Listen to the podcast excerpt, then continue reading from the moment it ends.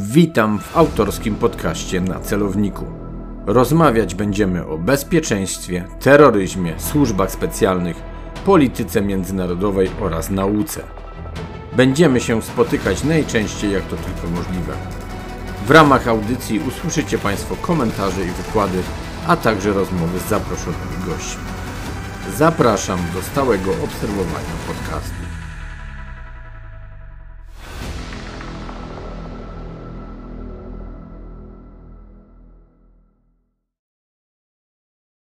Przy mikrofonie Artur Dubiel, Wyższa Szkoła Bankowa. I kapitan Piotr Herman. Witamy Was serdecznie. Witamy. Zaczęliśmy nietypowo. Nietypowo, nietypowo bym powiedział po raz drugi, bo wcześniej jeszcze z Michałem Rosiakiem. Bo to jest taka nowa tradycja. Tak, można by tak powiedzieć. Rozmawialiśmy trochę e, z Piotrem o tym, jak został odebrana nasz e, poprzedni odcinek, jak został odebrany. Mm, dostaliśmy dużo ciekawych sygnałów zwrotnych, zazwyczaj bardzo pozytywnych, za co bardzo serdecznie dziękujemy. Ale Piotrze, stwierdziliśmy, że chyba trochę inaczej będziemy rozmawiać, jakkolwiek to nie brzmi. No tak, bo tak, bo taki wywiad to można udzielić raz, no dwa razy w życiu, ale żeby, żeby częściej się spotykać z tymi wszystkimi ludźmi, którzy nas słuchają, no to lepiej jest jednak prowadzić zwykłą rozmowę, zwykły dialog, zwykłą wymianę myśli.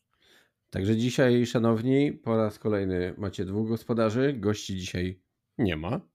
I tym samym e, wprowadzimy nową świecką tradycję. Z Piotrem raz na jakiś czas będziemy się e, wspólnie spotykać właśnie jako dwóch gospodarzy.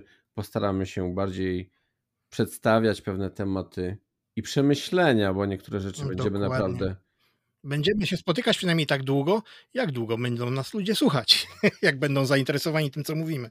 A jak nie, to będziemy się nagrywać i odsłuchiwać się sami. O, tak, tak, tak. Mówiąc całkowicie poważnie, szanowni, oczywiście możecie być świadomi tego, że wątkiem wiodącym oczywiście będą służby specjalne. Przypominam. I kwestie bezpieczeństwa. Tak, tak. Ale tutaj oczywiście w tą stronę będziemy szli bardzo, aczkolwiek będziemy momentami odbiegać. Przypomnę tylko jeszcze dla tych, którzy być może nie słuchali tak naprawdę pierwszego odcinka podcastu na celowniku, kapitan Agencji Bezpieczeństwa Wewnętrznego Piotr Herman służył... To znaczy już nie, już od lat nie, to, to trzeba zaznaczać, że to kiedyś tam. Nie dałeś mi dokończyć. A, przepraszam. Oczywiście, dzisiaj już szczęśliwy emeryt służył też e, w innych służbach, ale myślę, że to co najważniejsze, żeby przypomnieć, autor bloga szpiegul.pl oraz oczywiście również podcastu okiem służb specjalnych, do, czego, do którego odsłuchania oczywiście, e, stałego odsłuchiwania oczywiście zapraszam. I ja również. Cieszę Jak się. żeby inaczej. Piotrze, e, zastanawialiśmy się nad tytułem tego podcyklu e, podcastu na celowniku. Stanęło na smutnych panów dwóch. Tak, bo to aż się prosi po prostu o to. Takie są pierwsze skojarzenia, tak mi się przynajmniej wydaje.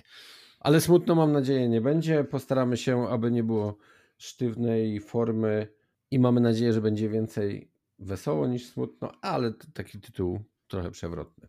Mhm. I bardzo pasujący, bardzo. Z Piotrem de facto w tym pierwszym odcinku spotkaliśmy się, no będzie już trzy miesiące temu, bo pamiętam, że nagrywaliśmy walentynki, tak? Co mocno podkreśliłeś. Walentynki, faktycznie, nieprawdopodobne tak, to jest. Tak. Ojej, jak czas leci. Dokładnie tak. Poruszyliśmy wiele kwestii, byliśmy w przysłowiowym przededniu nie chcę powiedzieć, że wybuchu wojny w Ukrainie, bo ta wojna była od dawna, ale powiedzmy pewnej ekspansji, rozkręcenia się pewnej kolejnej fali. Jak widzisz, co się zmieniło tak naprawdę od tego czasu w służbach specjalnych? Bo pewne obserwacje można wyciągnąć. Ja swoje mam, ale może za chwilę. Jak chcesz odpowiedzieć? Twoja sprawa, czy się skupisz najpierw na Polsce, Ukrainie, Rosji, czy może jeszcze coś innego byś jednak chciał zasugerować? Wiesz co, wydaje mi się, że to oczywiście gdybamy. Oczywiście gdybamy, bo my możemy tylko mówić to, co widać, a w służbach ma być tak, że tego ma być nie widać. To jest pierwsze. Więc z tego, co widać, to zmieniło się dużo mentalnie, to na pewno. Tylko w których służbach? Na pewno w tych służbach, które są zaangażowane w sam konflikt. Bo ponieważ jak się już są działania frontowe, no to wszystko brutalizuje się, rękawiczki są odrzucane i to trochę inaczej zaczyna działać. W przypadku Rosji Ja bym powiedział, że Rosja w ogóle padła w zupełnie inny, w zupełnie inny problem. On dotyczy, on dotyczy prowadzenia czegoś takiego jak wojna informacyjna, wojna energetyczna, ponieważ oni rozpoczęli wojnę energetyczną, tą taką fizyczną. No, każda z wojen jest de facto tak, tak, tak. Tylko chodzi o to, że Rosjanie przez wszystkie lata, od czasów upadku ZSRR i wcześniej również, prowadzili wojnę informacyjną, która była przez wiele, wiele lat niedostrzegalna. Ale tak naprawdę wobec nas, wobec Europy, to wszystko przecież miało miejsce, tak? I najpierw przecież nastąpił atak, y, ja bym powiedział, w ramach operacji psychologicznej. No oni to łączą tak naprawdę, bo Wiesz mają co? wspólne operacje informacyjno-psychologiczne. Ogól, ogólnie to trzeba łączyć, dlatego że operacje psychologiczne, y, o, o, operacje informacyjne, to wszystko to są elementy zarządzania percepcją, prawda? No tak, ale zauważ, że tak naprawdę po tej zachodniej stronie jakby jednak się rozdziela te operacje i bardzo często nawet i w opracowaniach i w Ale w Rosji również. Tak się to ujmuje. W Rosji również modele operacji informacyjnych, psychologicznych to są odrębne modele. Aczkolwiek tu i tu się pracuje przecież informacją, nawet jak psychologicznie chcesz na kogoś oddziaływać, to przede wszystkim informacja, która powoduje pewne konsekwencje w terenie, że tak się wyrażę. Mhm, mhm. No, no, dokładnie, tylko widzisz, chciałem, bo tak ucieka mi jedna główna myśl. Mhm. Rosjanie są bardzo dobrzy w prowadzeniu wojny informacyjnej. Wszyscy się spodziewali, że kiedy wybuchła wojna energetyczna, tam na większą skalę, że oni również będą w tym dobrzy. Nie zauważyli, że to, co było wcześniej, to oni nie dawali sobie troszkę rady. My wszyscy się y, pomyliliśmy co do tego. Zresztą tak, mówiłeś to parokrotnie tak. w swoim podcaście. I teraz w wojnie energetycznej okazali się słabi. Owszem, mają tego straszaka cały czas, te taktyczne swoje rakiety z głowicami. No ale nie ale... oni jedyni, także podkreślimy. To znaczy, nie, nie, widzisz, tak? nie, nie, nie. No. Jeżeli chodzi o, oni mają taktyczne, chodzi o, o ładunek, to są, to są małe. Ja rozumiem. Tylko oni je mają. Ja Teraz rozumiem. pytanie, czy na mały atak małym czymś będziemy odpowiadać czymś naprawdę wielkim? No to jest właśnie to. No jeżeli nie odpowiemy, no to pora chyba Okej, okay, okay. żegnać się i niekoniecznie nawet walizkę pakować, prawda? Ja sobie zdaję Musimy z tego sprawę. Ja sobie zdaję z tego sprawę, natomiast mówię, na, na czym polega ten problem. I teraz mówiliśmy, co się zmieniło w służbach. Bo to służby prowadziły przede wszystkim wojnę informacyjną. I tak długo, jak mogli prowadzić, było wszystko dobrze. Teraz prowadzą wojnę energetyczną, a jednocześnie zostali odcięci od świata zachodniego całkowicie. I oni mogą sobie prowadzić teraz wojnę informacyjną. Ona jest w tej chwili, cokolwiek by nie powiedzieć, nieskuteczna. No bo tak naprawdę dostają bęcki od Ukraińców, mówiąc dość kolokwialnie. I teraz pytanie, czy po raz kolejny sami kogoś nie docenili, czy Ukraińcy być może odbudowując się i wstając w pewien sposób z kolon od 2014 roku, tak się dobrze kamuflowali, aby Rosjanie się nie zorientowali, że jednak idziemy poziom wyżej. Bo umówmy się, nie wiem, nie wiem. w tych operacjach mam wrażenie, że Ukraińcy, nie chcę powiedzieć, że biją nas, ale pokazali nam, że swoją jakością działań, no to chyba my się możemy powoli zacząć uczyć od nich, a niekoniecznie oni od nas. To wszystko jest prawda, tylko, natomiast, no, tylko że weź pod uwagę, że oczywiście tu motywacja Ukraińców do wszystkiego załatwia wszystko i, i to jest coś, czego nikt kompletnie nie przewidział. Natomiast o, y, nie wiem, czy oni są lepsi. Y, tego nie sposób, w ogóle nie wiem, czy to jest właściwie postawione pytanie, czy oni są, czy mhm, nie są. To nie mhm. o to chodzi. Oni będą lepsi, dlatego że oni są państwem stricte frontowym. Muszą być. Natomiast y, lepsi są na pewno w walce we wszystkim. W wojnie informacyjnej w tej chwili są lepsi, ale, ale oni są lepsi u nas, na zachodzie. To nie znaczy, że w innych częściach świata. To prawda, bo to jest jeszcze kwestia oczywiście odbioru. Słuchaj, bo to jest właśnie to, co ja powiedziałem. Rosjanie w tej chwili mają zablokowane możliwości oddziaływania refleksyjnego. To, to mhm. Rosjanie zawsze działają, aha, no bo to może tak, takie najbardziej znane modele e, walki, wojny informacyjnej, to, to, to jest amerykański, tak, brytyjski i rosyjski. To są chyba najbardziej znane. Amerykański i brytyjski, nie będę ich omawiał, wiemy, wiemy nawet czujemy, jak one działają, bo, bo tak samo my działamy, to widać. To, to, to tam no nie wiem, czy to, to wyjaśnić. Chodzi o to, co jest bazowym punktem odniesienia i co jest celem, prawda? U Amerykanów bazowym takim punktem odniesienia to, to jest takie, tak, że amerykański model jest zapożyczony z reklamy. On kładzie nacisk na zmianę nastawienia do obiektu, do, do postaw. Natomiast brytyjski idzie znacznie dalej i kładzie nacisk już na zmianę zachowania jako cel tych działań. Natomiast model rosyjski jest zwany refleksyjnym od zastanawiania się, od, refle od refleksji nad czymś. On polega na kontroli przeciwnika, tak? Jego celem jest dezorganizacja i ta dezorganizacja ma prowadzić do przewagi informacyjnej. I teraz oni nie mają możliwości stosowania tego. A dlaczego o tym mówię? Dlatego, że tym zajmowały się służby rosyjskie. W tej chwili one odbijają się od tych wszystkich sankcji, od tego całego naszego działania świata zachodniego, odbijają się jak od muru. Nie są w stanie prowadzić wojny informacyjnej w chwili obecnej. No i teraz pytasz się, co się wydarzyło w służbach. W służbach wydarzyło się to, że służby są bezradne.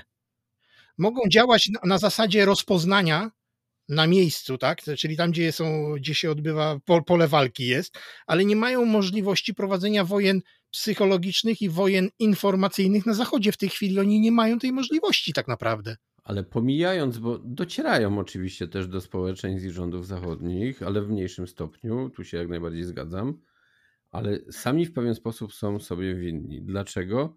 Bo sami doprowadzili do sytuacji, że naród ukraiński faktycznie poczuł tożsamość i że sąsiad duży, większy, wcale nie jest tym, jak go odbierano wcześniej. I to, co mówisz o w ogóle o zarządzaniu refleksyjnym de facto, o tych wszystkich też wstrętnych eksperymentów, od których to się wszystko zaczęło, no to tak naprawdę jakby ofiara tego wszystkiego, no nagle ten proces w ofierze się odwrócił, ja mam wrażenie.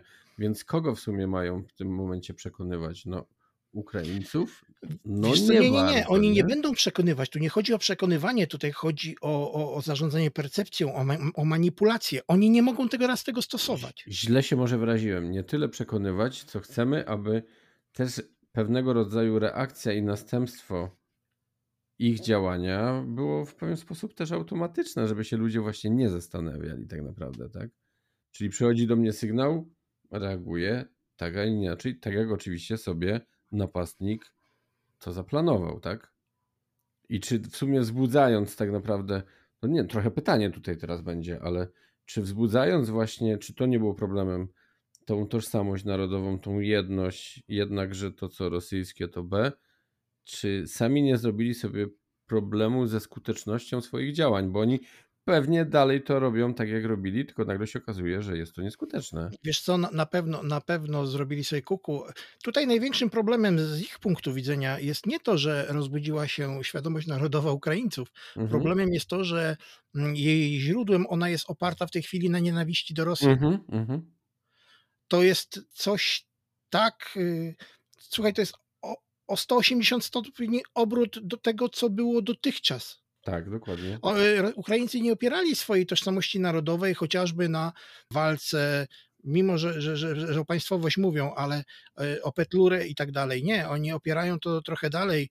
Oni opierają to, no nie chcę wchodzić w te tematy, bo to są tematy historyczne i one są bardzo zawiłe, żeby je, o, o, o, ale oni jednak e, wchodzą w to, co w latach 29-35 bodajże XX wieku było robione na Ukrainie ze strony państwa polskiego nie chcę w to wchodzić, bo to naprawdę będziemy kałapućkać się w jakieś historyczne e, tematy, ale na tym, na tym oparta była e, cała, cała działalność OUN, cała działalność UPA, cała działalność nacjonalizmu ukraińskiego, a w tej chwili jest wszystko się zmienia o 180 stopni. Pytanie, czy to jest trwałe, ale to już odrębna rzecz jest. Natomiast po, po, problemem, problemem jest to, że nie, że jest poczucie narodu ukraińskiego, tylko że ono jest oparte na nienawiści do Rosjan. To jest problem. Co sobie też sami Rosjanie zafundowali tak naprawdę. Zafundowali. Nie? Dzisiaj no. jest to niezbędne, ale kiedyś wojna się skończy, bo kiedyś się skończy. Kiedyś trzeba będzie ułożyć sobie jakieś stosunki, kiedyś trzeba będzie pójść do pracy. My nie wiemy, jak to, to będzie, prawda? Ale wyobrażasz sobie w sumie normalizację stosunków, już nawet nie patrząc na oś czasu, jak długo jeszcze, jak wiele wody w nieważne w której wręcz już rzec, rzece upłynie, bo ja powiem szczerze, nie do końca sobie wyobrażam tą normalizację stosunków. No to zobacz, z Niemcami Patrząc, mamy normalne stosunki. E, tak, przy czym Zobacz, że tam tak naprawdę bardzo mocno wręcz się podzieliły rodziny i to są tak świeże rzeczy, że ja też nie wiem do końca, czy się z całą zgodzić z tą normalnością stosunków polsko-niemieckich. E, No nie Mówię, oczy, mówię oczywiście nie na zasadzie ja, ty, a jakiś tam Hans, tylko mówię też o kwestii wykorzystywania tego niestety w polityce. No zgadza się. Widzisz, ja teraz wrócę znowuż do tego, co mówiłem. Do, do, y, bo moim zdaniem na działaniach dotyczących wojny informacyjnej opierały się całe działania służb specjalnych Rosji. Na tym się to opierało. Ja mówię o działaniach zewnętrznych. I teraz w tej chwili nie mają tej możliwości, a my ocenianie, my, my Zachód, y, ocenianie Rosjan kładliśmy, y, ym, my ocenialiśmy przez pryzmat właśnie ich, jakby nie patrzeć, sukcesów w wojnie informacyjnej. Oni tego nie mogą zrobić, w wojnie energetycznej są do kitu i okazuje się, że to jest nie tylko tak, ale że oni nie mają jakiejś wielkiej strategii działania. Bo to jest to, co nam na przykład mówił, jak on się nazywał, Tomasz Schumann, Jurij Biezmienow, tak? Jurij Biezmienow. Opowiadał o, o, o strategicznym poziomie e, całego wpływu na Zachód, tak? o tak zwanej dywersji ideologicznej. Mhm. Natomiast i nam się wydaje, że Rosjanie, e, że, że, że Putin jak doszedł do władzy, że oni mieli tak rozpisane to normalnie jak, jak opera, jak nie wiem, jakaś sztuka teatralna na lata, tak dalej. A tu się okazuje, że Rosjanie działają dokładnie tak, jak jest mm, w tak zwanej kremlowskiej szkole negocjacji. Czyli oni nie działają długofalowo w ten sposób, że mają rozpisane coś, tylko oni od punktu do punktu, od punktu do punktu. I co będzie dalej, to zobaczymy. Bo to jest tak, A tak naprawdę kreowali trochę inny wizerunek. no oni kreowali inny, a, a całe ich Mhm. działanie opiera się na tak zwanej kontroli warunkowej, tak? Ale myślisz, Czyli- że to było celowe, czy Tak, jednak... Tak, bo to jest rosyjskie. To jest takie Mhm. cykliczne powtarzanie łańcucha. Akcja, reakcja, akcja, reakcja, akcja, reakcja. Nawet z tą wojną zauważ, nie wiedzieliśmy, czy. Pytam, pytam bardziej, czy celowe było to pokazywanie, że inaczej działają, czy w sumie oni tylko chcieli wykreować taki wspaniały wy- własny To obraz był i to wykrywany obraz, moim zdaniem. Moim zdaniem był to wykrywany No, obraz. No, Bo słuchaj, może inaczej. Ja może wyjaśnię, na czym polega kremlowska szkoła negocjacji. To jest Mhm. pięć, to jest normalna mm, szkoła prowadzenia negocjacji. Ona bazuje na pięciu kolejnych filarach. Filar pierwszy polega na tym, żeby milczeć i słuchać swojego przeciwnika. Drugi, zadawać mu pytania. Trzecie, zdeprecjonować przeciwnika. Czwarty, rozwinąć czerwony dywan, czyli pokazać mu rozwiązanie i piąte, pozostawić drugą stronę w sferze niepewności. To jest Okej. kontrola, do, doprowadza się do kontroli odruchowej. Akcja, reakcja, cały czas. I cała ich, i takie od punktu do punktu, takie kreseczki robione. Żadna rozpisana, nie wiem na ile aktów sztuka. To w którym punkcie tak naprawdę w Ukrainie według ciebie jesteśmy? To nie jest tak. Oni przedobrzyli moim zdaniem w Ukrainie. Mhm, mhm. Ro, rozwinięli czerwony dywan. Przedsta- pozostawili drugą stronę w niepewności i powinni dalej znowuż zacząć negocjować pod innym kątem, dotyczącym czego innego. Oni nie, nie negocjowali. Dobra, uznali, czerwony dywan był typowo tylko z udziałem służb specjalnych, czy to właśnie okrążanie tak naprawdę Ukrainy, stawianie Posłuchaj, tej jest, ilości to, jest polityka, wojsk? to jest polityka, która jest prowadzona, a Putin pochodzi, to, to, wszyscy mówią, to nie są żadne nie wiem jakie mądrości. Putin pochodzi z człowiekiem ze służb specjalnych. tak. Chcąc, nie chcąc, on się będzie opierał na materiałach służb specjalnych w swoich decyzjach. Ale przestaje im powoli ufać. Zobacz, że zmienia, tak? Y, On zmienia ludzi. Ale też e, zmienił tak naprawdę pod kątem, kto jest tą główną służbą, jeśli Wszystko chodzi jest o prawda, prowadzenie Ale to jest, konfliktu. ale to jest takie ich, o- jak w opryczninie. Teraz temu dowódcy dam po pysku i zabiorę mu to, a temu pokażę i teraz ten będzie rządził innymi, jak, w- jak w watasze wilków. Ja to tak widzę. Ja nie wierzę w, te, w żadną zmianę, ja nie wierzę w to, że tam się dzieje... Pamiętaj, że to jest cywilizacja turańska. I tam mm, ten, kto jest samcem alfa, a jest nim Putin, to on tylko sobie przerzuca między nimi, bo to jest kara teraz dla, dla FSB, bo on ich kara za to, że im nie poszło. A to nie poszło dlatego, że mieli świetnie rozwinięte e, operacje informacyjne, a już e, wojna energetyczna to nie jest ich dziedzina, tak?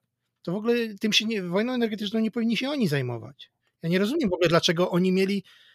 Nie, nie rozumiem tego, naprawdę. Ja, wyobraź sobie, że my prowadzilibyśmy działania obronne, nawet wojenne, jako Polska, i opieramy rozpoznanie wojskowe na działaniach ABW. No przecież to jest tak, chore. Tak, tak, tak powiedzmy widzę jakby w Przecież to jest chore, tym się musi zacząć, zająć nawet nie wywiad czy kontrwywiad wojskowy, tylko rozpoznanie. No i teraz pytanie, bo fajna chyba diagnoza nam się e, trochę tworzy. W całkowicie podkreślę to po raz enty w entym odcinku, jednak spontanicznej rozmowie, bo to, co powiedziałeś, to jedno, a drugie, ja bym dorzucił jeszcze kwestię pewnego cyklu, czyli informacja, analiza, wniosek, raport. Czy gdzieś na tym, czy właściwie nie na jednym etapie, bo tych etapów jest więcej, ale gdzieś w tym procesie nie następują celowe bądź niecelowe działania dywersyjno-sabotażowe, które powodują, że jednak ośrodek decyzyjny jest w błędzie. I teraz pytanie właśnie, i jeszcze drugie właściwie uzupełniające.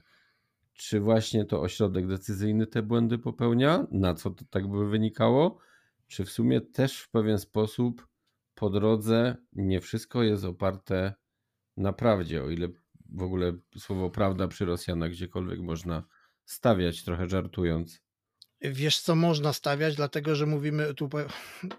My tutaj wchodzimy na grunt czegoś innego, żeby to, to zrozumieć. I to jest, ja powiedziałem tu, cywilizacja turańska. Cywilizacja turańska to jest taki model cywilizacyjny, czyli model no, ży- życia społecznego, w którym prawda istnieje. Prawdą jest to, co mówi wódz. Prawem jest to, co mówi wódz. To, co ty powiedziałeś, e, cały cykl wywiadowczy, jak jest podporządkowany, to znowuż, co ma za znaczenie, jakie są wnioski? Zresztą my to widzieliśmy. Teraz ci powiem kiedy. Prawdą jest to, co mówi wódz, i wnioskiem jest to, co mówi wódz.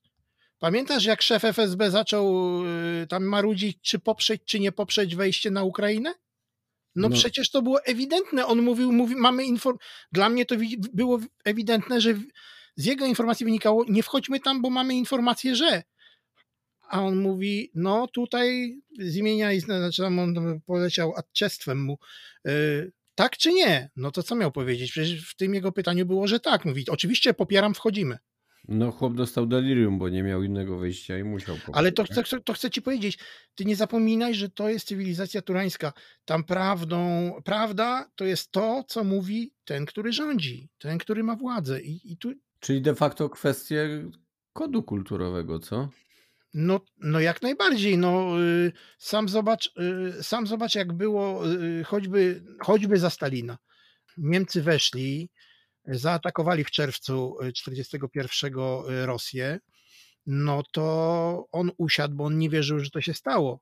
To nie jest tak, że oni nie wiedzieli, że Niemcy się nie szykują. Zresztą nie wiem, czy tu przypadkiem Suworow nie ma racji, że to oni się szykowali, a Niemcy tak naprawdę uprzedzili i to, i to nie wiem, tam o tydzień czy o miesiąc uderzenie rosyjskie. Ale, mm, ale on się w ogóle nie spodziewał czegoś takiego, jak to, że Niemcy zaatakują i służby mu tego nie donosiły, a jeśli mu donosiły, to ten, kto doniósł, pewno kończył od razu z kulą we łbie, bo prawdą jest to, co mówi on. I wiesz co, zauważ, że w ogóle nie bierze się tego pod uwagę, analizując, analizując to, jak jest w Rosji, nie? A tam mówimy, model demokracji jest sterowany. Ja nawet kiedyś napisałem w jednym artykule, że to nie żaden model demokracji sterowanej, tylko to jest najzwyczajniej w świecie pachanat. Pachan to jest szef przestępców, który jest capo di tutti capi.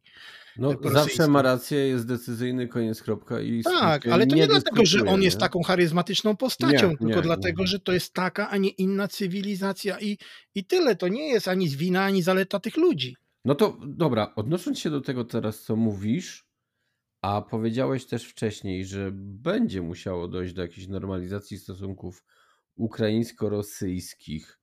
Kiedyś. Dałeś, dałeś przykład też naszych relacji z Niemcami.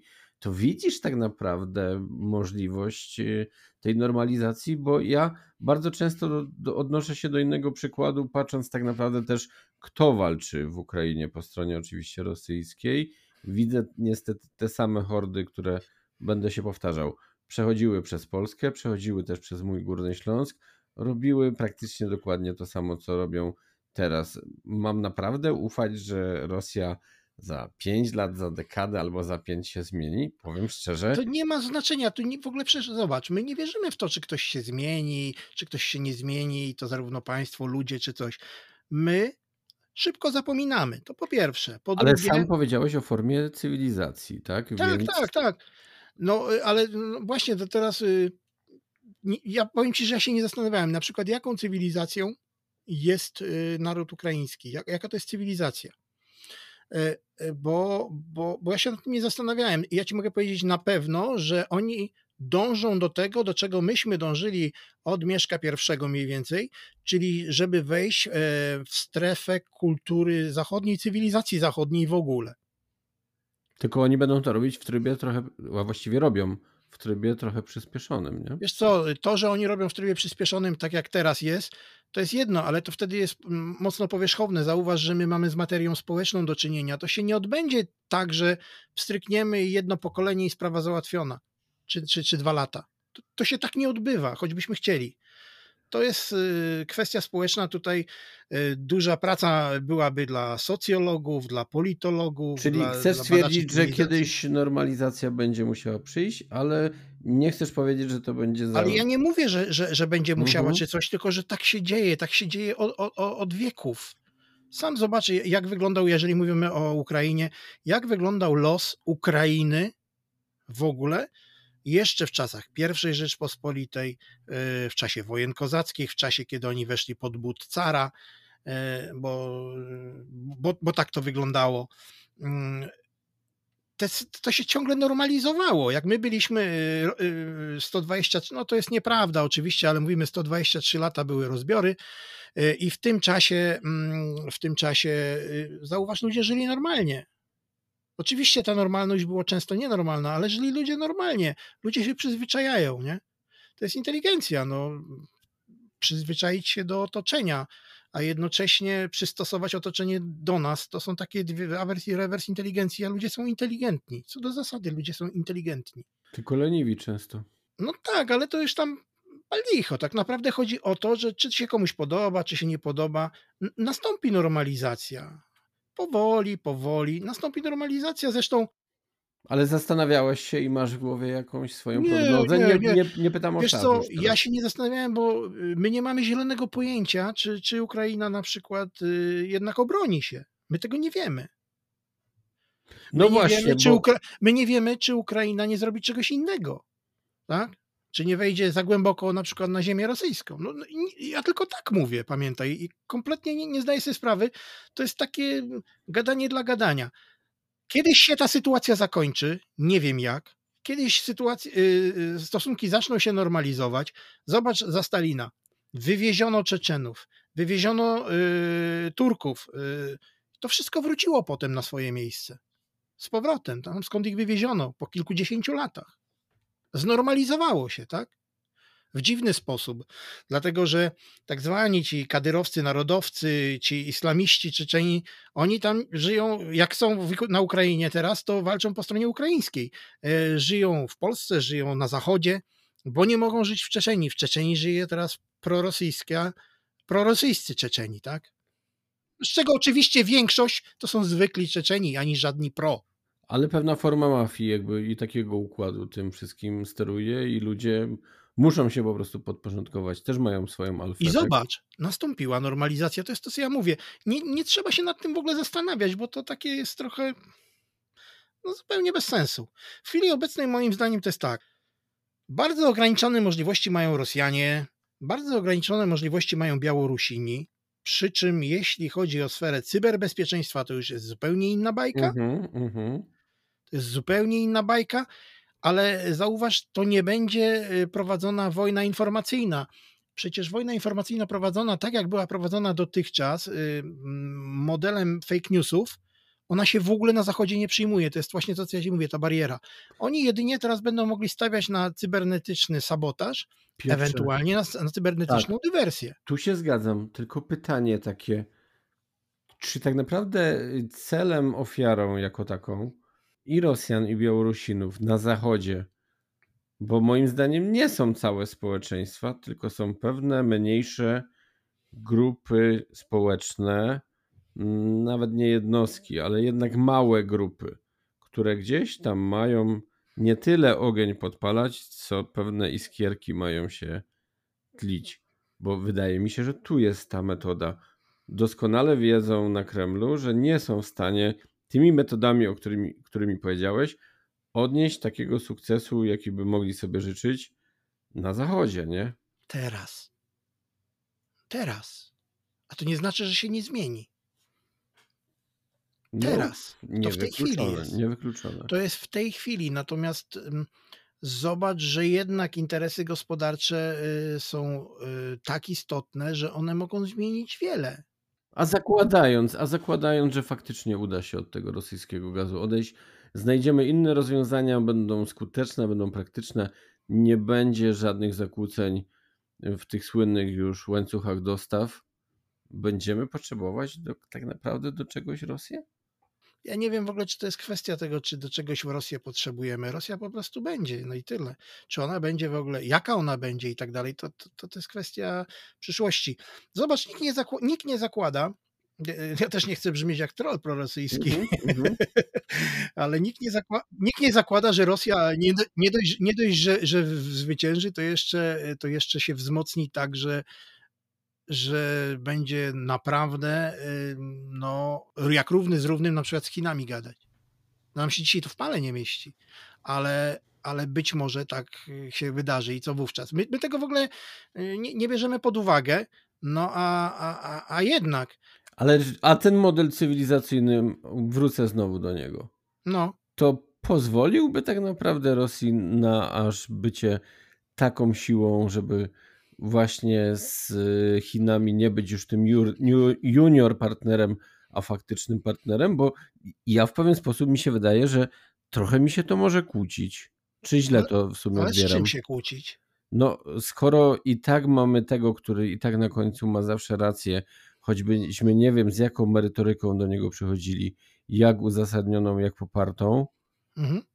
no ten model chiński jednak jakby funkcjonowania też cywilizacyjnego jest jednak inny, tak? No cywilizacja chińska to jest inna cywilizacja. No, no i, tu- i tutaj oczywiście dwa różne modele mogą mieć ten sam bądź zbliżony przynajmniej potencjał między sobą. Mhm. Ale czy faktycznie, bo masz zdecydowanie rację, tutaj się całkowicie zgadzam.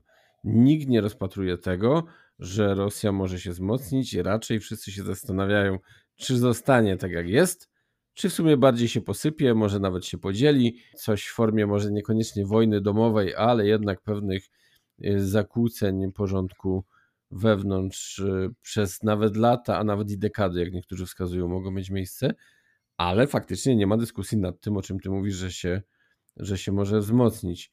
Tylko czy tak naprawdę mamy jakieś podstawy w ogóle, żebyśmy w ten sposób mogli sądzić, skoro no odnoszę się do tego, co powiedziałeś o, o, tym, o tym modelu cywilizacyjnym, że jest ten na samej górze i, i tak ma rację zawsze na końcu i tak.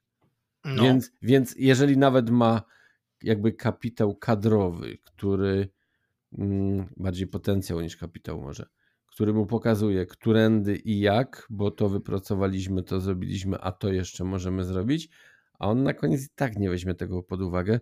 No i jest tym ośrodkiem decyzyjnym i koniec myśli inaczej i robimy w ten sposób. mhm. no moim zdaniem to jest możliwe, bo historia to pokazuje. To nie dlatego, że ja jestem taki, że sobie coś analizowałem, tylko ja, Mhm, ja mhm. odnoszę do tego, jak wyglądała historia i, i, i, i- i jak, jakie miały zdarzenia miejsce. Rosja y, kilkakrotnie zapadała się, może nie w niebyt, ale, ale miała problemy, a mimo to przetrwała, tak? E, dopro- Nawet się rozbudowywała, więc, więc jedyne co mogę powiedzieć, to tak.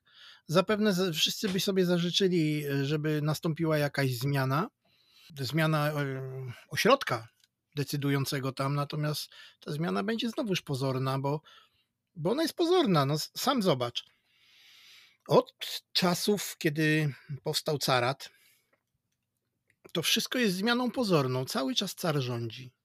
Cały czas car rządzi. Czasami ma, jest czar e, silniejszy, a czasami słabszy. Ojciec Mikołaja II był silny, Mikołaj II był słaby, Stalin był silny, Chruszczow był dość słaby. No i potem, potem to przeszło na, na, na gremium, już nie na osobę, bo już rządziło biuro polityczne Mhm. bardziej. Mm, Potem Jelcyn, który był słaby, później przyszedł Putin, który chce, pokazuje, że jest mocny. Czy jest, to my tego nie wiemy. Po Putinie przyjdzie ktoś inny.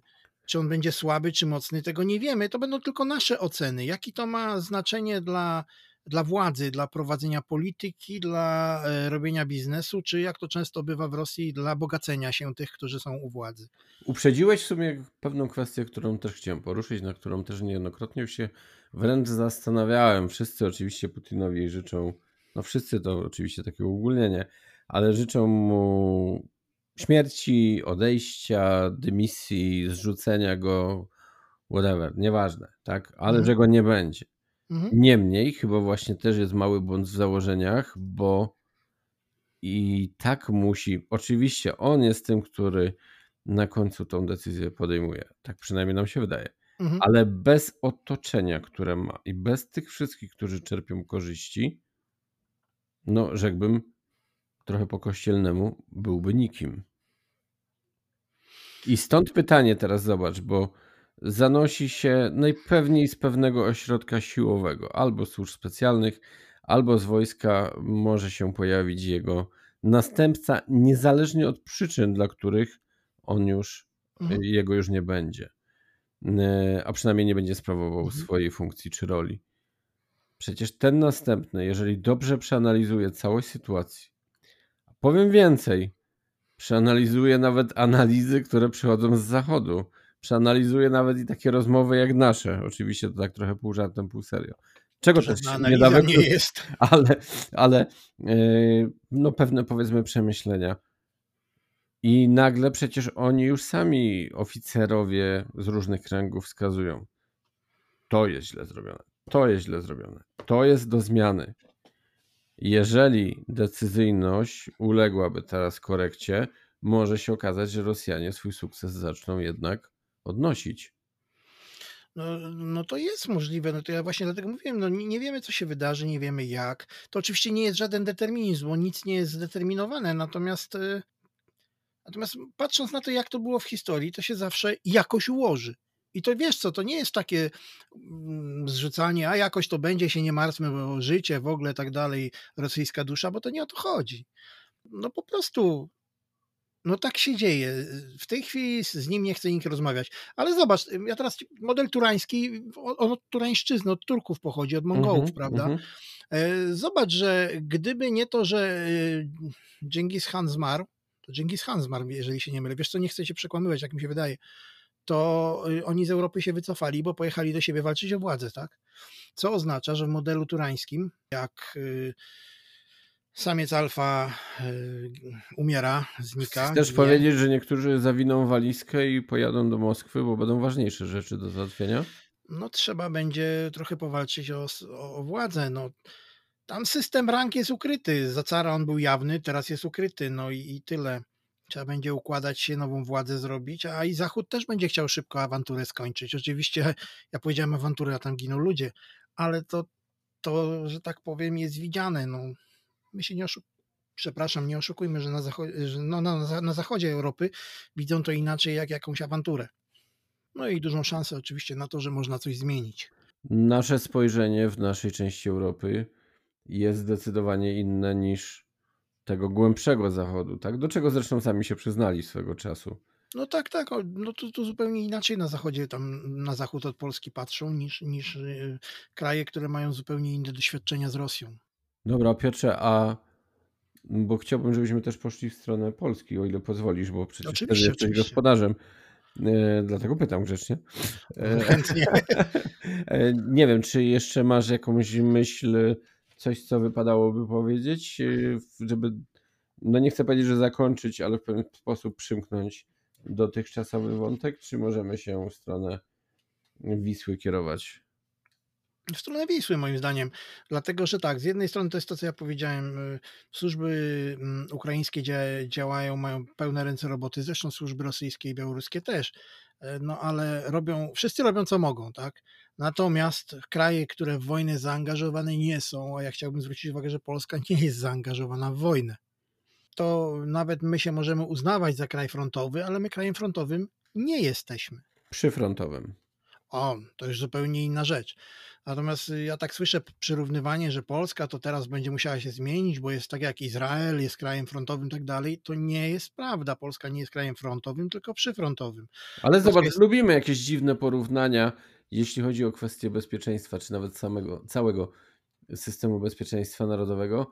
Porównujemy coś, co nie do końca jest porównywalne. Tak? Nas na przykład z Finlandią, Szwajcarią i właśnie Izraelem, bo akurat jak wspomniałeś Izrael, to od razu mi się tak skojarzyło. Nie? Tak, a jednocześnie porównujemy Ukrainę, że oni są dokładnie tacy, jacy my byliśmy w 1920.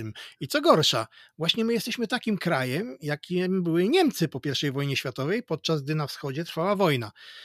Mianowicie w 1920 roku myśmy się wykrwawiali walcząc, a oni sobie siedzieli już w fotelikach i tam, prawda, frajkorpsy co najwyżej zwalczały się wzajemnie na ulicach.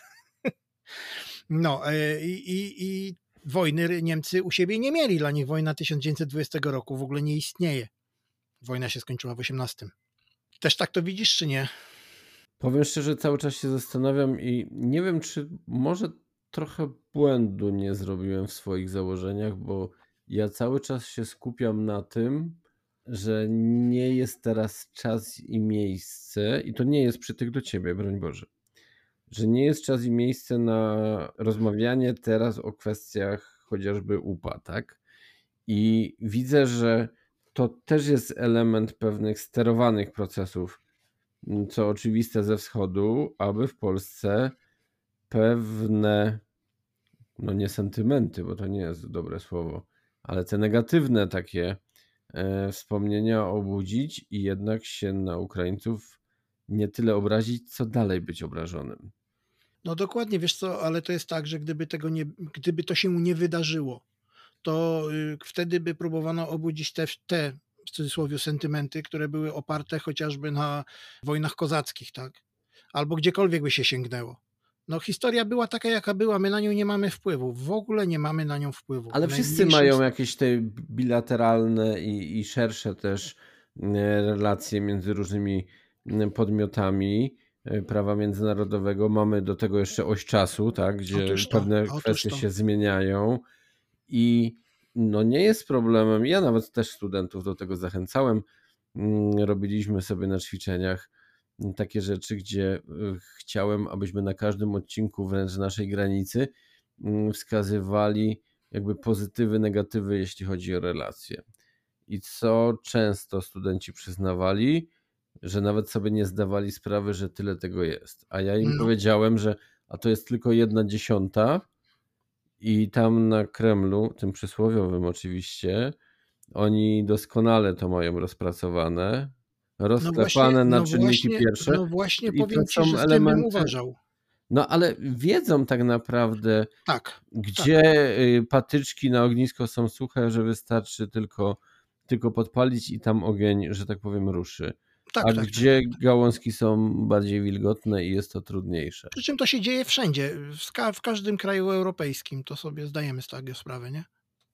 Znaczy nie, bardziej mi chodziło o to, że jeżeli nie będziemy mądrze regulować pewnych relacji, jeśli chodzi o de facto najnowszą historię, no bo przecież nie będziemy się dzisiaj spierać o rok, nie wiem, rzucam 1410, tak?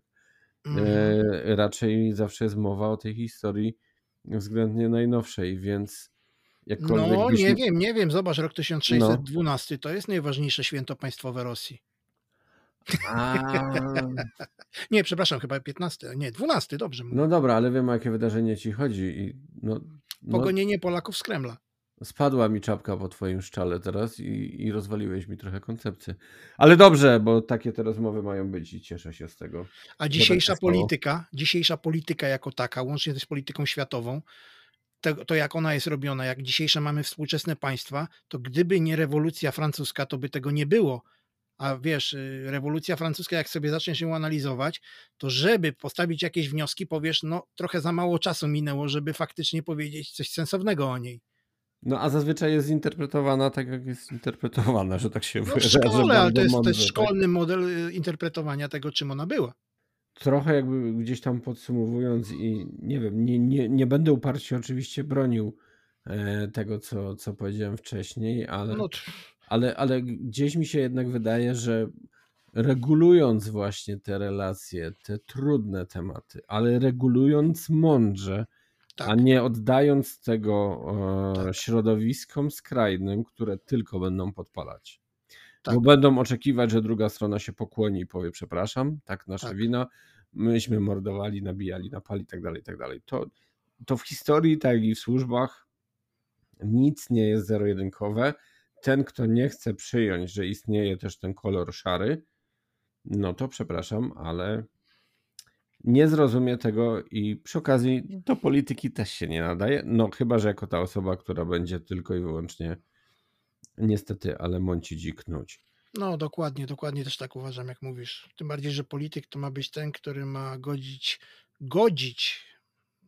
Ja nie chcę się w czymś babrać, on ma się babrać i ma zrobić tak, żeby dwie rzeczy, których się nie da pogodzić, mają być jakoś pogodzone, kropka. Tylko wiesz, no, idziemy trochę w stronę filozofii, bo dorzucę teraz, że wszelki kompromis y, to i tak jest nieszczęściem dla obu stron.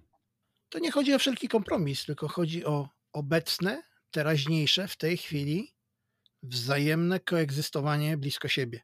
I dlatego uważam, że kiedyś y, stosunki ukraińsko-białoruskie, tfu, przepraszam, u- ukraińsko-rosyjskie, y, one się też kiedyś unormują, bo ukrai- ukraińsko-białoruskie nie ma się za bardzo co normować, bo tu tak naprawdę y, no one są po prostu dwa kraje obok siebie i tyle. Dobra, bracie, ale fajnego Freuda szczeliłeś moim zdaniem. Bo Tak? Jakiego? pom- no, pomijamy trochę kwestię Ach. właśnie Białorusi. A to nie No, jest tak, że Białorusi. ona cały tak z boku stoi i i Wiesz co, stoi. pomijamy Białorusi. Ja sobie, ja No. wiesz, wiesz, ja ci powiem, że ja, ja sobie jakiś czas temu, to był zeszły tydzień, widziałem jakąś mapkę i aż przysiadłem. To była mapka, która pokazywała, jak Finlandia i Szwecja przyłączają się do NATO. Mhm. Spojrzałem na tą mapkę i taka linia prosta jest. Tak, I powiem ci, że w tej linii brakuje tylko Białorusi. I ona Tak. wtedy jest. tak. A ja cały czas mówię, że zawaliliśmy trochę mm, O, gdzieś, e, bardzo. jeśli chodzi o, o Białoruś i w ogóle Polska jak Polska, ale w ogóle Wiesz jako co? Zachód mamy pewien feler. Ale nie wiem, czy my o tym samym mówimy. Bo mówiąc zawaliliśmy, No, to ja nie mam na myśli, że nie wciągnęliśmy ich w, obrotę, w, w, w orbitę y, kultury zachodniej, zachodu Mhm, i tak mhm. dalej, bo to nie o to chodzi.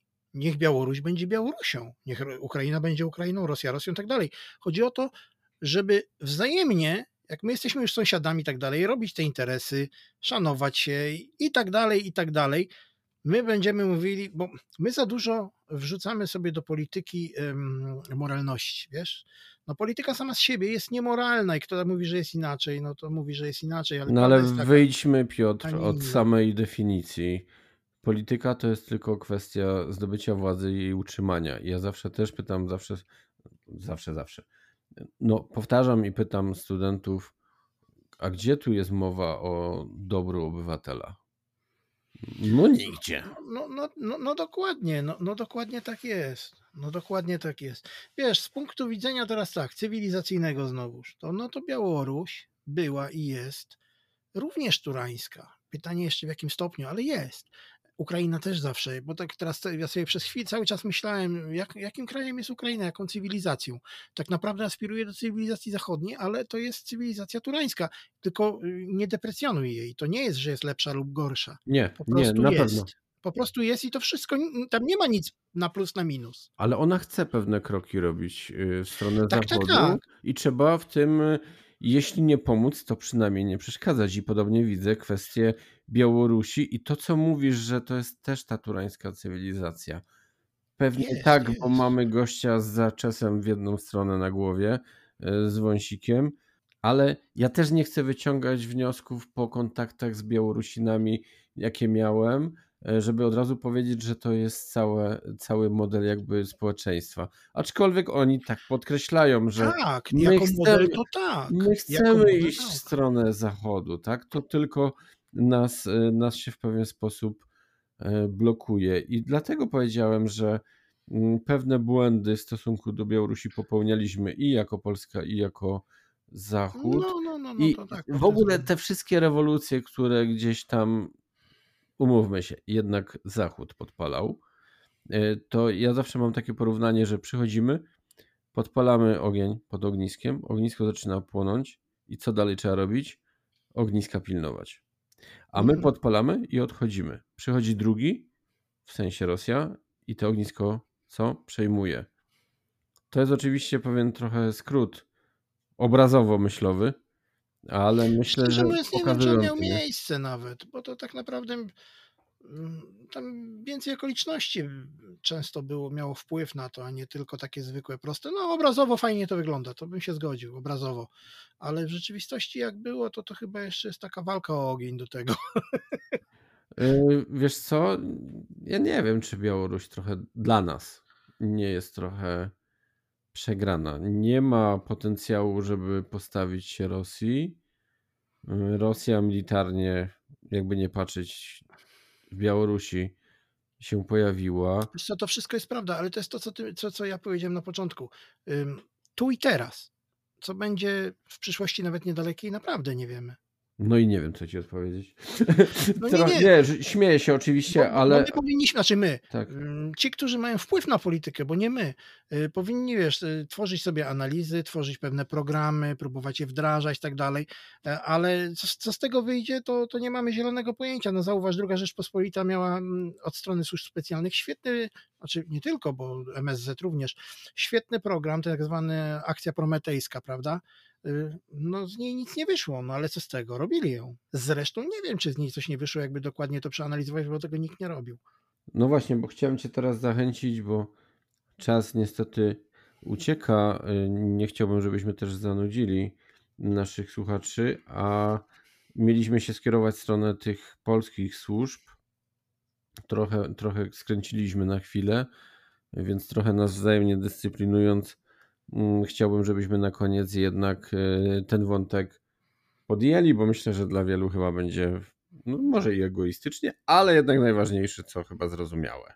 No, wyższa koszula ciał, tak? Tak, no i teraz pytanie, czy my tak naprawdę nie tylko jako służby, bo służby są de facto wykonawcą, jesteśmy przygotowani na prowadzenie takiej, nazwę to konfrontacji na polu informacyjnym i psychologicznym, czy my nie za bardzo znowu, tak jak i w ogóle w modelu funkcjonowania służb specjalnych, o czym rozmawialiśmy w pierwszym odcinku, e, w temacie też ogólnie, ale tam parę zdań z tego co pamiętam padło na temat reformy, znowu sztywno rozdzielamy to, co jest cywilne, to, co jest wojskowe, to, co jest wywiadem, a to, co jest kontrwywiadem.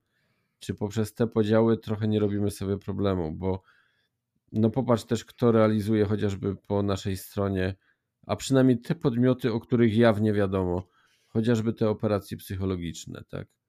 Wojsko nie wiem, czy nie za bardzo skupia się na typowym simiku w tym wszystkim, tak? A przecież my mamy, delikatnie mówiąc, konflikt za ścianą, e, a mówiąc wprost, wojnę i to w takim brutalnym wydaniu, tak jak to, co powiedziałem, ponad 80 lat temu działo się u nas, nie?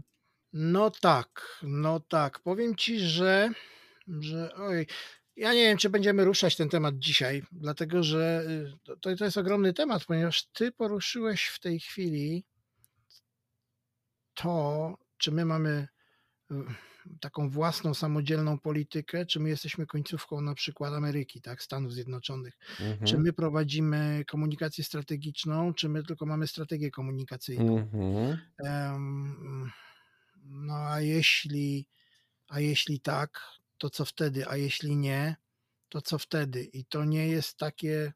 No bo Piotrze, To jest, to jest po prostu temat tak obszerny, aż mnie zatkało Ja w tej chwili. rozumiem, To jest ja strasznie rozumiem. obszerny temat, co ty zadałeś. tylko wiesz, nie y, wiem aż co powiedzieć. No umówmy się, jesteśmy też jakąś stroną pewnej wojny, tak? Bo to, co Rosjanie wytoczyli nam pewne działa e, już de facto lata temu, nie tylko nam jako Polsce zresztą, no to tak trochę tylko udajemy, że tej wojny nie ma, ale ona ma miejsce. No, nie można tylko przyjmować razów i nie podejmując Wiesz co, aktywnych może, działań, ja, nie? może ja odpowiem inaczej. No, Na pewno powinniśmy y, przejawić y, aktywność w sferze komunikacji strategicznej. mhm.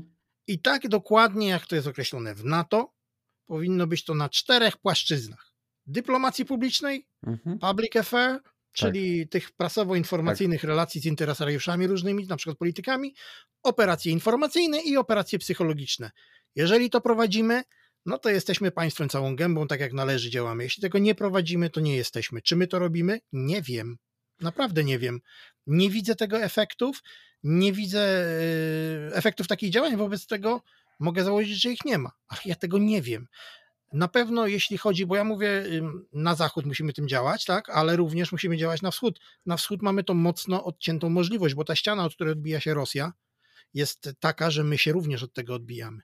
Tak, i Między zobacz, jest w tej chwili mur. a zobacz, że te wszystkie elementy, które wspomniałeś, trochę może inaczej ułożone, bo chociażby kwestia dyplomacji i również służb specjalnych i sił zbrojnych, to są przecież te elementy podstaw, by nie powiedzieć filarów, jeśli chodzi o budowanie e, potencjału w ogóle na arenie międzynarodowej. Tak? Jeżeli ktoś ma nas nie tyle się bać, co szanować, chcieć naszego zdania i te zdanie właśnie szanować i brać pod uwagę, to te elementy muszą odpowiednio nie tylko samodzielnie funkcjonować, ale tworzyć i całość, jako No. pewnego rodzaju synergia.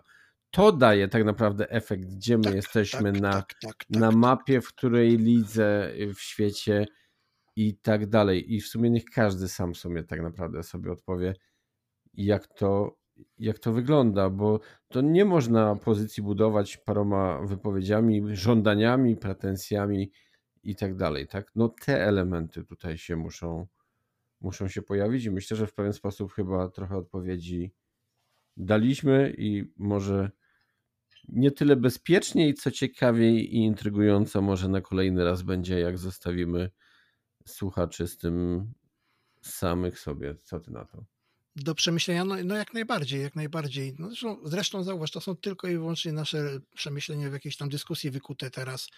I to na gorąco, na bieżąco. I, i nie, i nie, tak, że my nie mamy zielonego pojęcia nawet, czy, czy one są, są słuszne. Tego, nawet tego nie wiemy. To nad tym trzeba byłoby się mm, zastanowić mocno, przemyśleć, a najlepiej, żeby jeszcze przedyskutować to w większych gremiach i bo może to wszystko jest w ogóle funta kłaków nie jest warte, co myśmy powiedzieli. No, wydaje mi się, że jest, ale, ale, ale nie, ale to tylko mi się wydaje teraz. Ja tam się cieszę z naszej rozmowy. Tak, ale zobacz, jak strasznie dużo, chcąc nie chcąc, mówiąc o tym, co, co się dzieje, y, o tych wszystkich rzeczach, jak to strasznie gdzieś tam z boku jest mm, coś, czego brakuje w takiej sferze mm, publicznej. Ja podcasty też daję do sfery publicznej, chociaż oczywiście nie do mainstreamowej. Brakuje tej takiej, takich podstaw teorii, żeby ludziom powiedzieć, bo ludzie Mhm. posługują się sformułowaniami, Które są rozmyte. kt- nierozmyte, których y, ludzie nie rozumieją, rozumieją tak powierzchownie, tak Mhm. jak czują to, nie? Chociażby to, czy, czym jest strategia komunikacyjna, a czym jest komunikacja strategiczna. Dla, dla kogoś może to brzmieć to to samo, to jest kompletnie coś innego. A to już nawet poszedłeś, bym powiedział, wysoko, bo śmiem twierdzić, że sformułowania leżące znowu obrazowo zdecydowanie niżej też są mylone i pójdę dalej. Nie wiem, może się zgodzisz, może nie. To też jest element oczywiście działania wschodu, aby u nas pewne pojęcia właśnie się rozmywały, były bardzo różnie interpretowane, a przecież jakby nie patrzeć, jest to element nauki. Jeżeli chcesz zrobić pewną analizę, napisać pewną pracę, jeżeli pewnych założeń na początku konkretnie nie sformułujesz, nie przyjmiesz pewnych definicji i pojęć, no to bez sensu w ogóle dyskusja. I nie mówię o naszej dzisiejszej dyskusji, tylko to, co ma tam powstać, tak? Wiesz Bo co, to samo jest w biznesie. To samo jest w biznesie, bo ja właśnie przez tę moją działalność, y, to kursy i tak dalej, widzę w czym jest problem. Y, Ludzie, z którymi dyskutuję na ten temat, bezpiecznicy, problem mm, jest taki, że oni mówią, po co ta teoria, po co to? Ja mówię, to nie jest teoria. To nie jest teoria. My się musimy wszyscy posługiwać mniej więcej tymi samymi słowami. Kiedy my coś mówimy, używamy słowo na coś, to musimy mieć mniej więcej to samo na myśli. Bo inaczej my się nie zrozumiemy. Ale Piotr, zwróć uwagę, że to, co powiedziałeś, nie tyczy się tylko biznesu. Może jest teraz trochę lepiej, ale kiedyś idealnie bym powiedział i ubrał w to służby, służby wszelkie. Właściwie z całym aparatem państwowym. Nie chciało się słuchać kogoś z zewnątrz, a w ogóle jak już przychodził jakiś naukowiec, to panie, co pan tam pierniczysz, właśnie jesteś teoretykiem. Dopiero z czasem zauważono i zaczęto słusznie łączyć elementy świata praktyki z nauką, zorientowania się, że praktyka wcale nie jest taka, jakie są założenia i jak jest prawnie uregulowana, a teoria wskazuje, jak w pewien sposób powinno być w takim nie chcę powiedzieć, że idealnym modelu, ale jednak jakimś tam oczekiwanym. I teraz, jak dwie strony zaczynają się rozumieć i zaczyna się to gdzieś tam przenikać, to nie chcę powiedzieć, że sukces murowany, ale na pewno idziemy w dobrą stronę. A jeżeli te strony zaczynają trochę walczyć ze sobą, no to zaczyna być problem. No, tu się zgodzę z tobą, zdecydowanie się zgodzę. Wiesz co, taka myśl mnie y, naszła mi... Y, to chyba dobrze. Tak, tak, tak, tak. Ale mm, bo, bo y, a propos polskich służb i tego, że nie widzę żadnych innych efektów tego, co się dzieje, żeby to miało wpływ na, na bieżące funkcjonowanie, nie? Ja na przykład nie zauważyłem, bo, bo, bo to jest moment, w którym służby, służby i to nie tylko specjalne, ale w ogóle służby państwowe, powinny postawić na komunikację ze społeczeństwem, a właściwie ze mhm. społecznościami lokalnymi. My mamy bardzo fajnie skonstruowany system samorządowy i to z tego w ogóle nie korzystamy. A o co mi chodzi? Ja w którymś z odcinków, takich ostatnich, które, które, które mówiłem, OSS, Okiem Służb Specjalnych. Ja mówiłem o FBI, która w pewnym momencie stwierdziła, że, że po, po mm, ataku na World Trade Center y, muszą wyjść do społeczeństwa i oni stworzyli mm, koncepcję czegoś takiego, co się nazywa e, akademiami obywatelskimi, gdzie, gdzie mm, szkolą, ale to szkolenie to oczywiście trzeba rozumieć raczej wypracowywanie wspólnych, wspólnych jakichś tam list zagadnień i tak dalej, które się omawia z liderami y, lokalnymi, lokalnymi zupełnie. E, no i, i, mm, takich działań na przykład w Polsce w ogóle nie widzę, żeby, nawet nie widzę, żeby ktoś się do tego przymierzał, w ogóle żeby ktokolwiek myślał, że to, że to ma sens, nie? Na Akademii Obrony, przepraszam, na Akademii Sztuki Wojennej kiedyś występowałem właśnie z taką prezentacją, e, gdzie wskazywałem operacje psychologiczne i informacyjne jako zagrożenie bezpieczeństwa państwa. No i tam jako jeden z końcowych wniosków przedstawiałem taki no niby autorski, aczkolwiek pewnie ktoś coś, na coś podobnego kiedyś wpadł. Model, jak zwiększyć bezpieczeństwo. I wskazywałem, że wtedy trójkąt, dzisiaj może bym kwadrat z tego zrobił, e, uczestników, którzy wzajemnie muszą się wspierać, rozumieć i wiedzieć, że tylko przez synergię pewne rzeczy możemy osiągnąć. No i oczywiście była strona państwowa, było społeczeństwo, świat nauki, dzisiaj może trochę z aparatu państwowego wyjąłbym, aczkolwiek jednak mu podlegający świat służb specjalnych i mamy pewien klucz do stworzenia pewnych systemowych rozwiązań, bo skoro mamy podmioty przecież, które mają te cele e, zbieżne, no to jak relacje między nimi powstaną, to mamy tak naprawdę cały system, tak? przepięknie coś. Na zakończenie dzisiejszej naszej rozmowy, powiem Ci, przepięknie to podsumowałeś. Byłoby wspaniale, byłoby dobrze nad czymś takim popracować teoretycznie, bo to trzeba tak popracować. Powiem Ci, że dla mnie wzorem jest trochę mm, Strategy and Future, które zrobiło nieprawdopodobny raport, wysłało go w świat, tylko ten raport, ha, kolejna rzecz, mówię o tym Armii Nowego Wzoru. Ten raport jest za obszerny, tego nikt nie zajrzy, nie przeczyta, jeżeli to jest na więcej niż trzech stronach. to jedno, drugie różnie jest interpretowane, to co akurat ta ekipa ale wiesz co, to robi, mi nie chodzi, ja nie, nie chodzi mi o to. Oceniać, nie? nie, nie, mi nie no, chodzi no. o to, żeby wprowadzać to. Mhm. Chodzi o to, zobacz, nikt inny w ogóle tego nie podjął. Chociaż wiem, że Leszek Sykulski tam z zespołem, on pracuje w tej chwili nad mm, e, strategią narodową, tak? Ten, po, po tym dokumencie, który BBN stworzył tam to ostatni dotyczący strategii e, narodowej, strategii bezpieczeństwa, no postanowili stworzyć swój i pracują, mówił tak jakiś czas temu przynajmniej, e, nad czymś takim, to, to chodzi właśnie o to, to nie są żadne programy, to nie są żadne rządowe, tego nikt nie musi nawet brać pod uwagę, ale są tam myśli, które być może ktoś przeczyta i weźmie pod uwagę. No po to są te think tanki wszystkie, tak, po to są, tak, a od czego tak. jest nauka? No dobra, my rozmawialiśmy trochę przed tym, przed dzisiejszym nagraniem. Natomiast no, nauka powinna, moim zdaniem, moim skromnym zupełnie, też mieć jakiś aspekt użytkowy. Po prostu. Może, może założenia mamy trochę nie takie, jeśli chodzi e, o tę naukę i za bardzo właśnie chcemy robić teorię, a praktyka trochę, trochę niestety czasem ucieka. No dokładnie, bo, bo to jest też to, ja już wspomniałem w naszej, kiedy wywiad ze mną przeprowadzałeś, tam pierwszy odcinek swojego podcastu miałeś, ja też y, mówiłem, że zupełnie inna koncepcja działania służb specjalnych powinna być w Polsce. Ja już mówiłem wtedy o koncepcji organizacyjnej, a teraz mówię o koncepcji działania. To, co powiedzieliśmy o tym trójkącie czy czworokącie. Fajnie byłoby nad tym popracować kiedyś. No bo im szybciej, tym lepiej. To znaczy nie, nie to, że nam coś grozi, uważam, y, Polsce i tak dalej. Mm, Natomiast y, no warto, warto po prostu byłoby się nad materią pochylić, bo, bo w tym momencie y, mniej może nawet kwestie wojny gdzieś tam u granic, które się dzieją w kraju ościennym, a, a kwestie chociażby rozwoju, dzisiaj tego z tym nie poruszymy, ale rozwoju tej now- nowoczesnej technologii, technologii nowoczesnej generacji wprowadzają całkowitą zmianę y, w paradygmacie jakimkolwiek służb specjalnych, nie tylko. Dobrze, jak już się sprzedaliśmy z pomysłu, którym mnie zaskoczyłeś, nie powiem, e, to przeniesiemy go w zacisza naszych gabinetów i może faktycznie się nad tym głębiej pochylimy i spróbujemy może coś zrobić więcej. A miało się zakończyć jakimś pozytywnym akcentem, więc To to jest pozytywny. jak mam nadzieję, że tak Ktoś usiądzie i przemyśli, to już Tak, powie, o, tak. nie tylko nudzili, ale coś powiedzieli. Dzisiaj Państwa zanudzali i coś powiedzieli kapitan Piotr Herman. Oraz Artur Dubiel. Bywajcie zdrowi, bywajcie bezpieczni. Wszystkiego dobrego. Kieruj się w stronę podcastu na celowniku. Wszystkie odcinki podcastu na celowniku dostępne są w platformach podcastowych Spotify, Apple Podcast, Google Podcast, Anchor, a także w serwisie YouTube. Zapraszam również do wspierania podcastu na celowniku w portalu Patronite pod adresem patronite.pl ukośnik na celowniku.